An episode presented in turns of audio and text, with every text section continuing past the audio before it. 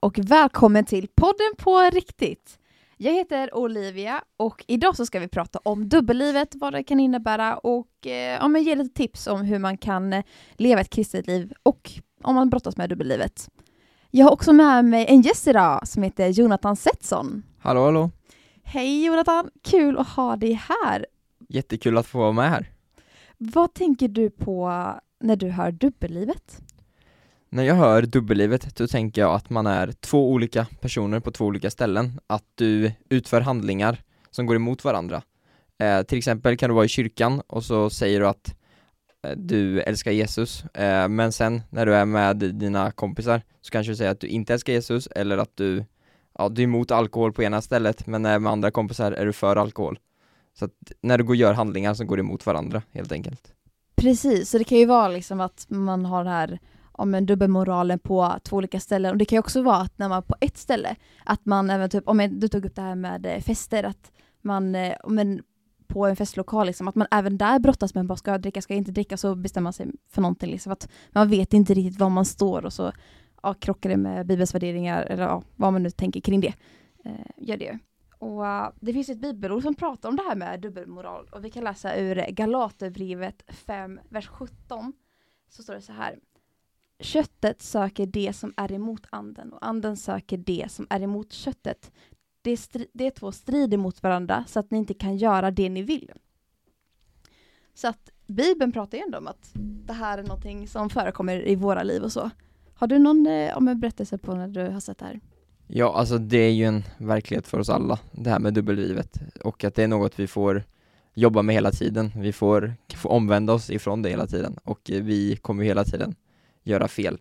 Och då kan jag ju bara tala för mig själv att det är ju flera gånger man har känt så här, speciellt när man är i skolan där det är så här väldigt så här annan miljö ifrån kyrkan och man har kompisar som står för något helt annat, att det är väldigt lätt att bara haka på grejer utan egentligen kanske så här reflektera utifrån vad, ja, vad bibeln säger och vad man vad man kanske egentligen vill innerst inne, men man bara hänger på för att man är, man vill vara en del i gänget typ. Mm. Om man inte riktigt tänkt över helt. Verkligen. Jag vet ju själv att så här, man kan brottas med det här så mycket just när man inte förstår varför det, det står i Bibeln som det gör. Om en till exempel, om Jesus tar upp massa i bergspredikan om liksom så här, gör så här, gör så här och vissa saker håller man inte alltid med om till en början och eh, då blir det klart att så här, man ställs lite mot väggen, bara, jag gör så här, men Bibeln säger att jag ska göra så här, varför ska jag göra det? Och så brottas man med det. Och det är en sån sak som man kanske aldrig riktigt förstår, utan det är något man måste sträva efter hela livet, att följa Jesus. Och det man också måste förstå är ju att varför, eh, varför ska vi följa de här reglerna? Det är kanske inte det främsta att Jesus vill att vi ska följa lagarna eller att Gud vill att vi ska följa lagar, utan han har nog satt upp de här lagarna som punkter, eh, box för att vi mår bättre när vi håller oss innanför den här boxen och när vi följer, följer Jesus så kommer vi må bättre i längden. Eh, och det är egentligen, han gör det för vårat bästa, inte att han vill vara en sträng gud som bara säger att du måste göra det här och du måste göra det här och måste följa mig. Utan han gör det för vår skull liksom. Mm. Och jag tror det är där man måste landa i om man helt ska kunna följa Gud. Verkligen, att han vill vårt bästa. Och det är det som är en sån eh, vacker kombo, att han liksom har de här om en eh, orden, att han bara men gör så här, gör så här, jag vet att det är bra för dig samtidigt som han är så omsorgsfull. För det vet jag, jag brottades jättemycket när jag eh, brottades med dubbellivet, att om jag kände mig så dömd. Så det är någonting jag ofta tänker på när jag hör ordet dubbelliv, att jag tänker dömd. För att bara, men man dömer lätt sig själv för att man förstår inte sig själv vad som pågår inne, så blir det bara, men jag gör ju så här och jag borde göra så här och så blir det bara, det blir bara ett kaos. Men att Jesus verkligen, som vi läser i det här bibelversen, att han förstår, han, han vet att så här, det är en strid mot varandra och han har med det liksom när vi brottas med saker. Ja, och det är ju väldigt lätt att, eh, att man känner sig dömd, för du ser ju inte alla andras brottningskamper, utan du ser de personerna i kyrkan ser du nog förmodligen bara kanske i kyrkan, och så ser du inte deras brottningskamper utanför kyrkan, som du själv ser, för man ser alltid sina egna brister. Eh, och det är ju något som man får kämpa med, men det är ju, man, det är väldigt upplyftande att alla kämpar med det. Mm. Verkligen, och då är det inte så konstigt att när man till exempel går till skolan att där kanske brottningskampen blir väldigt uppenbar för att helt plötsligt hamnar man utanför den här trygga zonen, man ser andra ja, följa Jesus på ett vitt sätt och mm, ja, men det är lätt att eh, så här, hänga med in the flow. Och sen kommer man utanför det sammanhanget och ställs själv emot de här frågorna liksom. Ja, precis. Och om det är så att man bara går i kyrkan eh, på söndagar och det är det enda man får utifrån kyrkan, att det är ens tro som baseras utifrån kyrkan, så blir det ju ännu svårare, för då är verkligen, då blir det verkligen två separata platser, kyrkan, skolan. Däremot lever man ett liv med Jesus, att vi, att man läser bibeln eh, och man söker Jesus i vardagen också, blir det mycket lättare, för då blir det som ett sätt att han går med dig i vardagen. Så han stödjer dig på ett helt annat sätt då, att man känner att han är närvarande. Och då blir det mycket lättare att följa, eh, följa honom även i vardagen, för att då är ju han med i vardagen, eftersom du tar med han i vardagen. Eh, vilket gör att eh, du eh, helt enkelt kan lyckas eh, mer med att undvika dubbellivet i, i många situationer. Verkligen, och ja, men vi går ju båda på bibelskola TMU då, team med uppdrag och vi har ju pratat en del om det här att vi leder ju människor vad vi än gör. Alltså gör vi dåliga gärningar så leder, leder vi dem i det, gör vi bra gärningar så leder vi dem i det. Och då handlar det om att liksom låta sig själv präglas av rätt källa och det är ju verkligen Bibeln.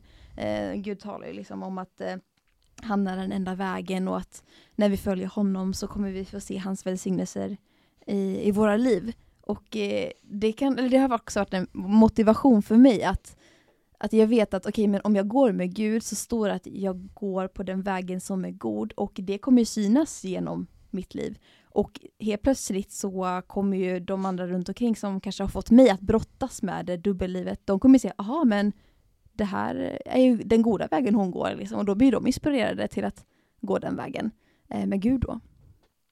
Ja, och det här tror jag nog är något som vi båda har märkt. Vi går ju på bibelskola och när vi lever, här lever vi verkligen med Gud. Vi har morgonandakt, vi har, vi har undervisning och bön och lovsångskvällar.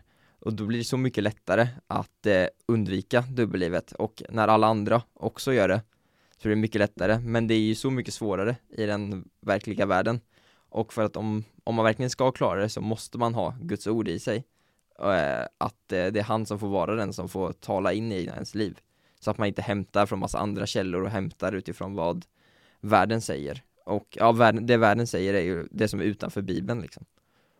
Verkligen, och jag tror också så här, det är viktigt att ha med sig att man kommer göra fel, att vi kommer trampa fel. Och det kommer ju också hjälpa oss på något sätt att förstå att oh, men Jesus är verkligen den rätta vägen. Men att vi vill ju inte trampa för mycket fel heller för att det kan ju kosta och vi kan ju få betala vissa grejer för det. Så att därför är det också bra att ha det här parallellt, att så här, ha nåd med sig själv, att ha förlåtelse med sig själv. Att man bara oj, jag visste det här, jag visste att jag skulle gå åt det hållet, men jag gjorde inte det och nu ser jag varför. Och samtidigt det här med att bara ja, jag förstår inte alltid varför jag ska gå i den här riktningen eller göra så här som Jesus säger, men jag gör det i tro på att det är gott. Så att det är ju verkligen ett, ett samspel, Eh, det här med att eh, på något sätt under en lång process att ta sig ut ur dubbellivet. Mm, och alltså varje gång man gör något som världen inte säger så får en auktoritet eh, att eh, människor reagerar lite och bara undrar ja, men varför gör personen så? Eh, och då tror jag man får en väldig möjlighet till så här bra samtal och att man får berätta om Jesus just för att du, du väljer att gå en annan väg för att då får människor upp ögonen för en när man gör något annat som ingen annan gör.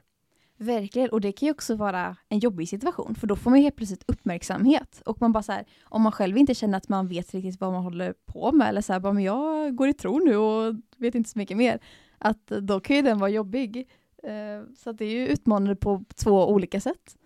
Ja, och det är självklart är det en utmaning och det blir en utmaning hela tiden, men det är väl där man får ta med Gud och be om frimodighet helt enkelt, att man får be Gud att han får hjälpa i sådana situationer, att ja, att han får lägga orden i ens mun, lägga svaren på en, så att man inte själv står där själv, utan man vet att Gud går med en.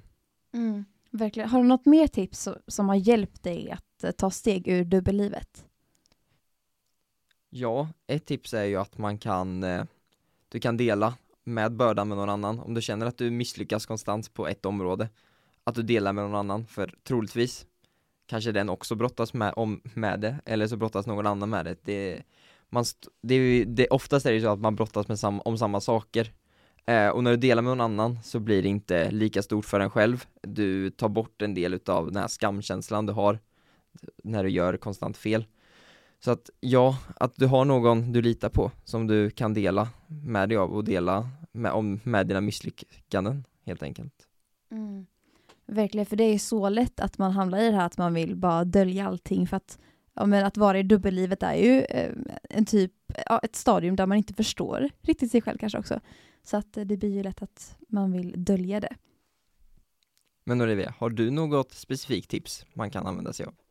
Ja, något som hjälpte mig var att eh, jag bad mycket efter att få en förebild, att eh, om jag kunna se upp till och men, som var ett gott omdöme för hur man eh, eh, kan leva som kristen.